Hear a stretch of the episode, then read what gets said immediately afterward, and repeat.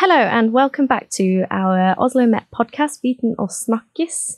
My name is Carla Louise Hughes, and I am here today with Margarida Pereira. Yes, correct. Hi, nice Carla. to see you. How are you today? Very well, thank you. Good. So, uh, you are here as a postdoctoral fellow at PANSOC, the Center for Research of Pandemics and Society. Mhm. Since May this year, yes, Wonderful. right in the middle of our own pandemic. yeah, absolutely. yeah. So, please tell us a little bit more about you and who you are and what it is you're doing here. So yeah, um, I'm a health geographer. Um, I come from Portugal. I have a PhD in human geography.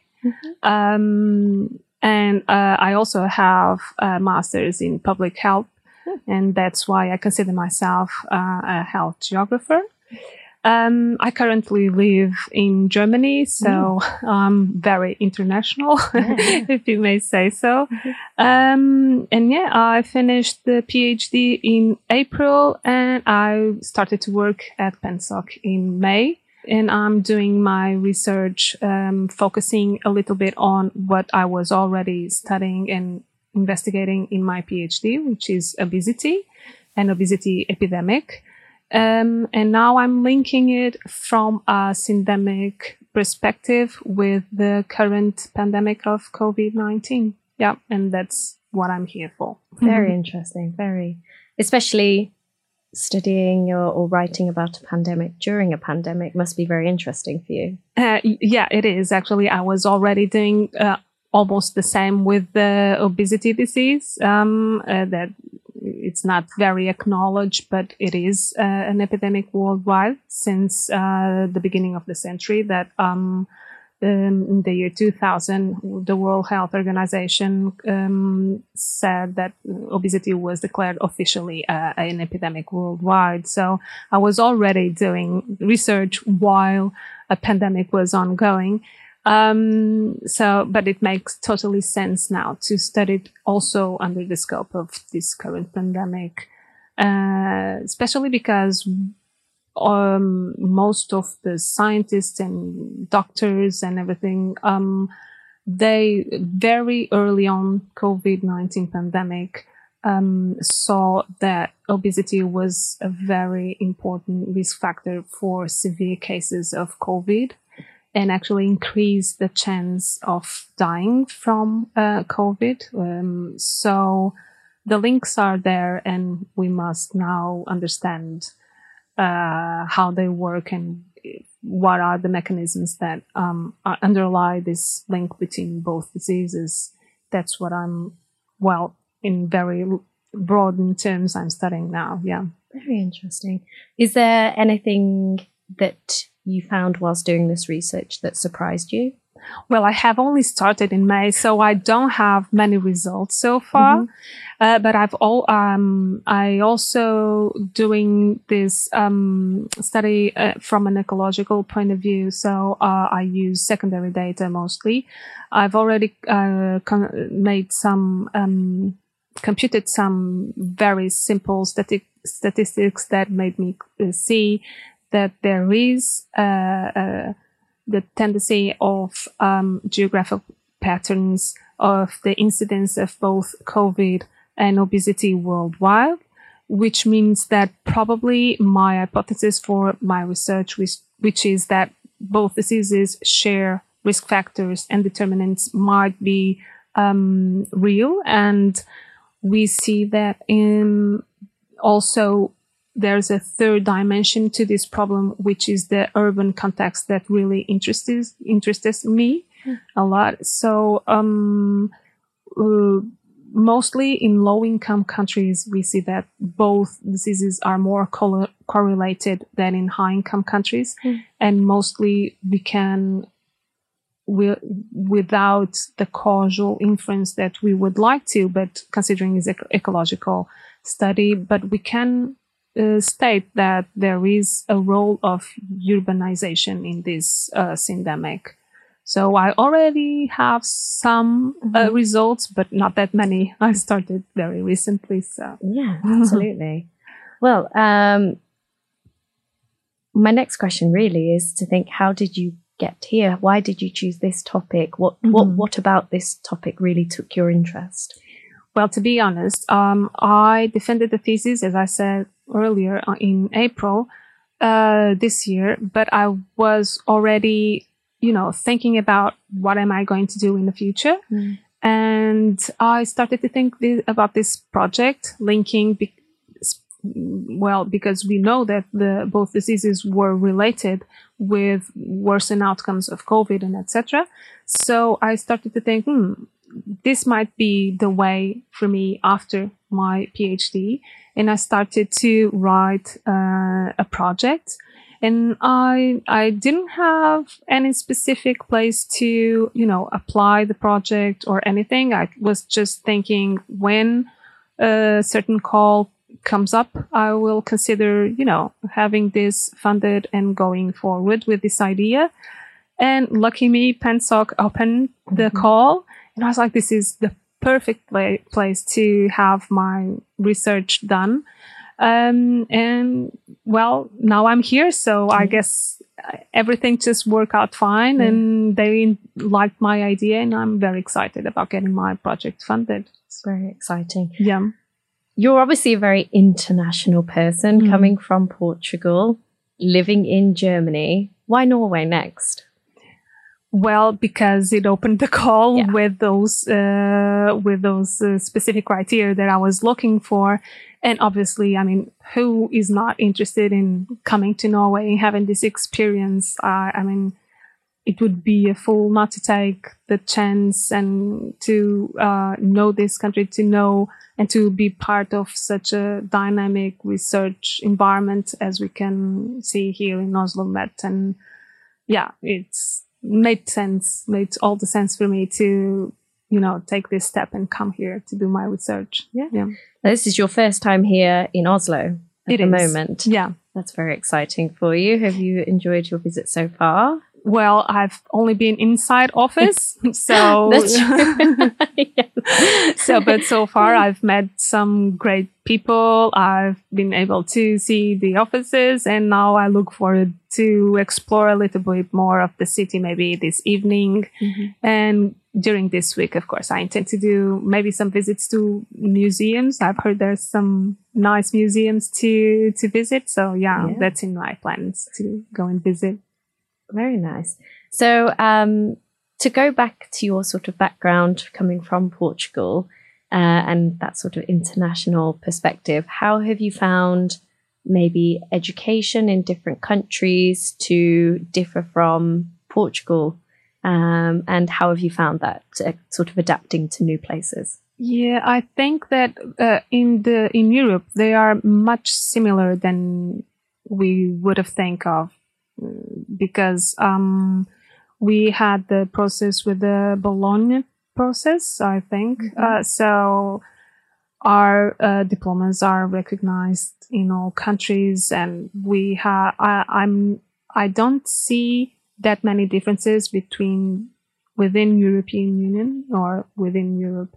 Uh, many differences between um, the places I've been able to to work. So yeah uh, i guess. And and also you know when we do research we have the publications. Mm. so they are peer reviewed they are published in international recognized scientific uh, journals uh, with some with impact factors. Some might not have impact factors but they are peer reviewed as well.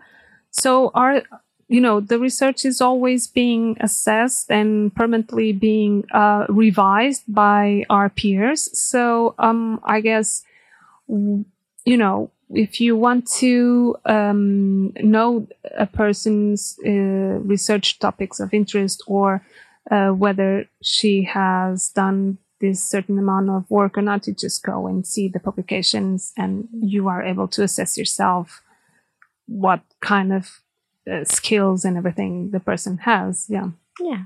So I don't see much difference at all. Yeah. Very mm-hmm. interesting. Um, so to get back to your work here at Oslo Met and here with PanSoc, the, the Research Centre on Pandemics and Society, can you tell us a bit more about your uh, your your future mm-hmm. aspirations with your project and how yeah. that's going so far, perhaps. Actually, uh, I now have mm, so many questions I would like to mm. answer within my project than the original ones that are because now I'm starting to read more, and I think yeah. it's a process. You you always start with the small goals, I guess, and then you just start reading, and you know your horizons to start widening. Mm-hmm. And I have a lot of questions, and um, for example, how were the policies to tackle COVID-19? How was the, the impact at local level? Because we know that most of the policies and most of the interventions were non-pharmaceutical uh, and, but they were like not context, contextualized. They were, they didn't take into consideration different places or different uh, features of the different places. And that's interesting me from a geographic perspective that a government uh, states that we should do this and this and this to tackle COVID, but then locally you have these smaller governments uh, and more local level governments that have to actually apply those interventions in different contexts and they i don't think um, there were that many tools available at local level to apply such broaden policies and that that's really a concern I have at this moment. I would like to see how the local level governments translated the national uh, policies to tackle COVID um, to apply them in at local level, and also I would like to see how is it different from the um, obesity case? Mm-hmm. So, because I guess it it um, it might be interesting to see uh, the difference be- because obesity is a, a non-communicable disease, and obviously COVID is an infectious disease. So, how is it different? How uh, is it? Um, how how does um, larger policies applied locally in different uh, nature diseases, such as these two. Mm. And I have many more, many more questions that I would, I, I mean, um, I would like to see also the difference between countries according to mm. the different development levels. I uh, I worked in Angola for uh, a certain period of time um, some years ago, and during that time there was an Ebola outbreak. Mm-hmm. So that was the first time I actually lived uh, through an outbreak of a contagious disease. And uh, but I was privileged because I was there. But uh, if something was going to get out of hand. I could come to my home country in Portugal and everything would be okay. But I was confronted with this um, almost uh, fragile society that had no tools to uh, uh, tackle this infectious disease. Mm-hmm. And now with COVID, I kept on thinking, how are they managing this pandemic yes. in Angola? So, um, I mean, these are all questions that I would like to address and hopefully I will, you know, have time to address them all and to, you know, get a little more knowledge about this yeah. in the future. Yeah. Sometimes research is you you ask yourself the main question but then that one question leads to many other questions mm-hmm. why did this happen how did this happen yeah and so on and so on so and the simple questions always leads to uh, important yeah. uh, evidence that that it's crucial for for future because now we are studying covid but I mean, this is important, especially to uh, create this body of knowledge that can be useful for the future, mm-hmm. right? We now look back for uh, since the beginning of COVID, you know, where do did we look for information like in Svenn-Erik's uh, work, for example, for the influenza, right? Yeah. We just, you know, we have to now build a strong body of knowledge that is able to help in a future pandemic how to proceed and how to best um, protect uh, especially the most disadvantaged populations. And because I don't think that was much of the case now in many countries, unfortunately. And um, yeah, uh, that's the way I see it, at least. Yeah. I found it interesting um, your story of living in Angola during the Ebola outbreak. How was that for you? How did you feel during that time? Does it feel different to now, and and why maybe that is that? Well, it's um, it was hard. Mm-hmm. Um, I felt well, you know that in Angola they speak Portuguese, so mm. the it's very easy the communication. Yeah. So they used uh, Portuguese colonized Angola for uh, several uh, centuries. Um, it was easy the communication and everything. We felt very culturally we felt very close to Angola, uh, but it was hard to see um, the social economic differences between countries. It's hard to see, um, especially children, mm-hmm. um, you know, that impact of seeing children in the streets and just overall society. There are so many um, people that live with such poor conditions, and I was not prepared. I think nothing prepares mm-hmm. you to see that hard reality. And I think as a researcher, especially from the, I like to study uh, social and environmental determinants of health. Uh, I think that gave me an enormous sensibil- sensitivity, sensibility, mm-hmm. I guess, to these differences between countries. And it's not just a variable that we include in the statistics in the program. And, you know, it's not just that. This is real and differences do exist between countries.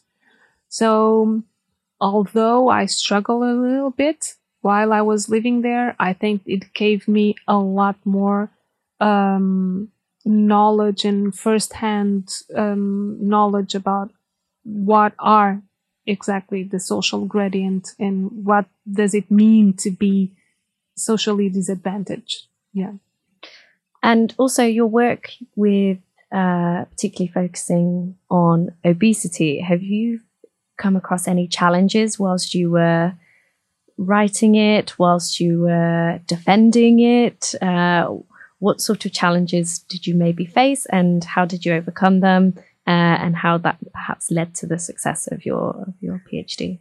Well, um, first of all, that's that's very interesting because uh, when I when we talk about obesity, um, I think that people don't address it as a disease. Yeah. And that's a huge problem. Yeah. Uh, I don't think uh, there are some critiques uh, about, and that's why it isn't like officially called a disease. There are some critiques that say it's not a disease, and there are some medical associations that are really determined to get it called as a disease and because politically and when you it's different to have uh, call it as a disease or not uh, so that's a bit of a struggle because since it is not a disease you don't have secondary data to work on mm-hmm. so when you are addressing cancer uh, certain types of cancer when you're studying um, I don't know, for example, mental health uh, diseases or whatever, you have these national databases that you usually get your information. And for the ecological studies, that's mostly the type of studies I conduct because, you know, I'm a, a geographer. And um, so that's the type of studies I usually conduct. And it's an easy way of getting the information without having to spend a lot of uh, money collecting primary data, you usually go to uh, secondary uh, databases provided by the national health systems or whatever. So obesity not being called an, a disease, it gets harder to get this information. Um, also, I struggled with uh, getting information at local level. Mm-hmm. Uh, so we have a lot of information at national level because we do these rankings countries in, for example, uh, the southern Europe uh, have higher rates of obesity. In the Northern Europe, we have lower rates of uh, childhood obesity. Specifically, that's mm. what I studied in uh, in children, obesity in children. Uh, but then I would like to know how your uh, environment within a city uh, might impact your health status, and that's really really hard. Mm. I was lucky enough to be included in this project in Portugal in the Research Center for Anthropology and Health in the University of Coimbra. Mm-hmm. Uh, so I got access to local level data but if you are not uh, as lucky as I was, for example, you would have to collect your own data, which right. is very time consuming and also very expensive to do, of course. Yeah, absolutely. So that were some few uh, um, obstacles, if I may say so, that I encounter.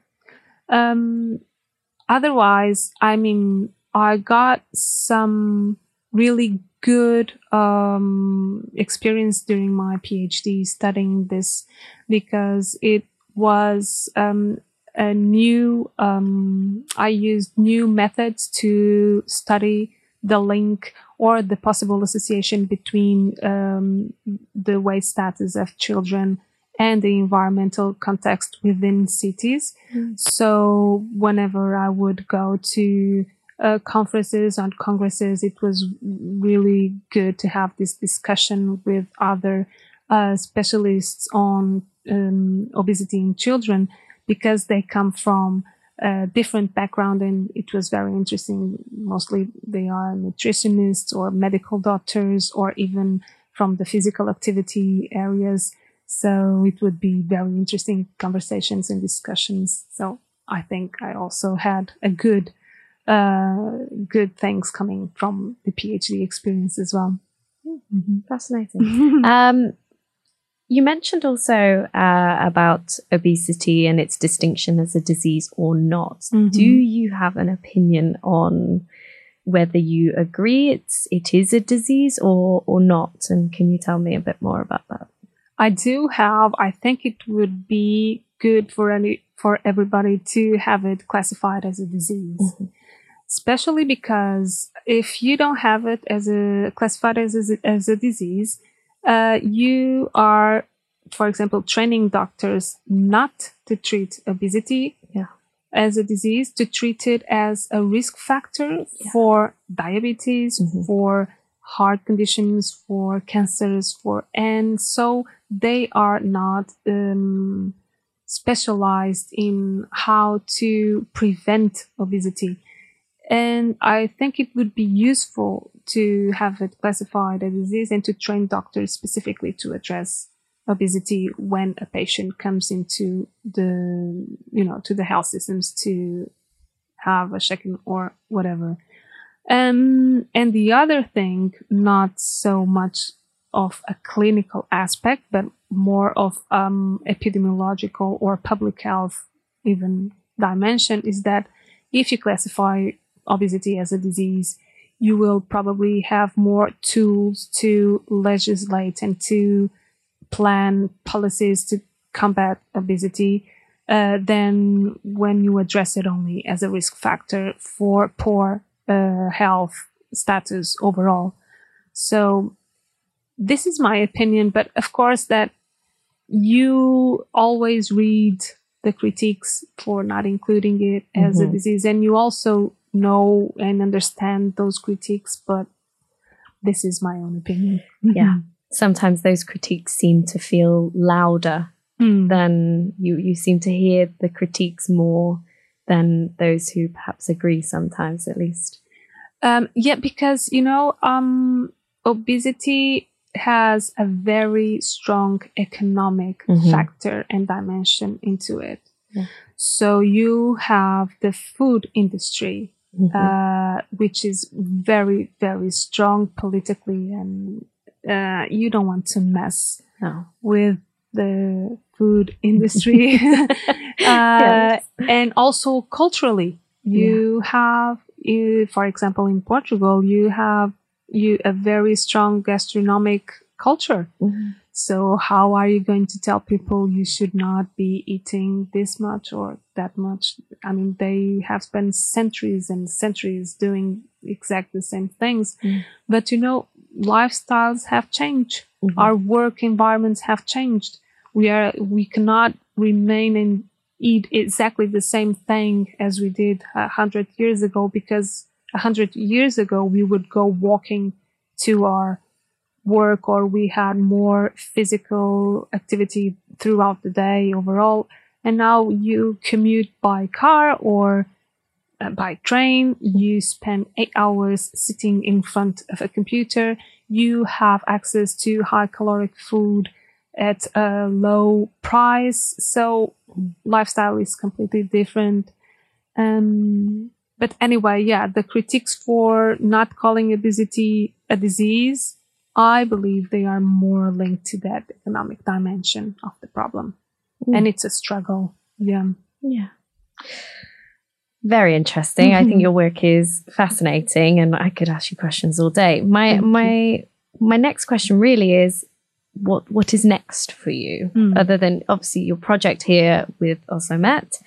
How do you hope that is perhaps received? What do you hope people might gain from that? And where do you see things going afterwards? Well, uh, I'm reading more and more about syndemics, and I think I would like to um, research more syndemics, not Mhm. only obesity and COVID, Mhm. but also other infectious diseases with other non-communicable diseases. Mhm. For example, uh, HIV and I don't know diabetes or tuberculosis and diabetes. Mm. Uh, I think that, and also I would like to know about the role the role of geographic context in these syndemics. I think that the distinction between lifestyles in rural and urban areas are fascinating from a research and uh, point of view. So I see myself studying syndemics in the future for different infectious diseases and non communicable diseases. And I think that because before COVID, we had uh, syndemics, but they were very like targeted at low income countries Mhm. where the infectious diseases rates are higher and they are slightly um, growing in also in the non-communicable diseases rates like diabetes. So there are, we could say, a step back in the epidemiological uh, evolution or um, process. Uh, but now with COVID, I think the world almost balanced in these syndemics. So we also see that in the high income countries, we also have a coincidence and a cluster of risk factors that specifically um, um, potentiate the the growing of infectious and non non-communicable diseases in specific groups. So I see myself studying this in the future. At least now I see it. Margarida, Mm. it's been so lovely to have you here. Thank you. Carla. Oslo Met is delighted that you are here with us in Oslo. Um, how long are you here for? I'm staying for the week. Mm. Wonderful. Yeah. Excellent. And then you go back to Germany. Germany. Well, we're happy to have you, and we do hope that you come back again very, very soon. And we look forward to following all of your academic activities in the future. Thank you. I'm so happy to be here. I was very excited to come and meet you all. So thank you again for having me and for this lovely week. My pleasure.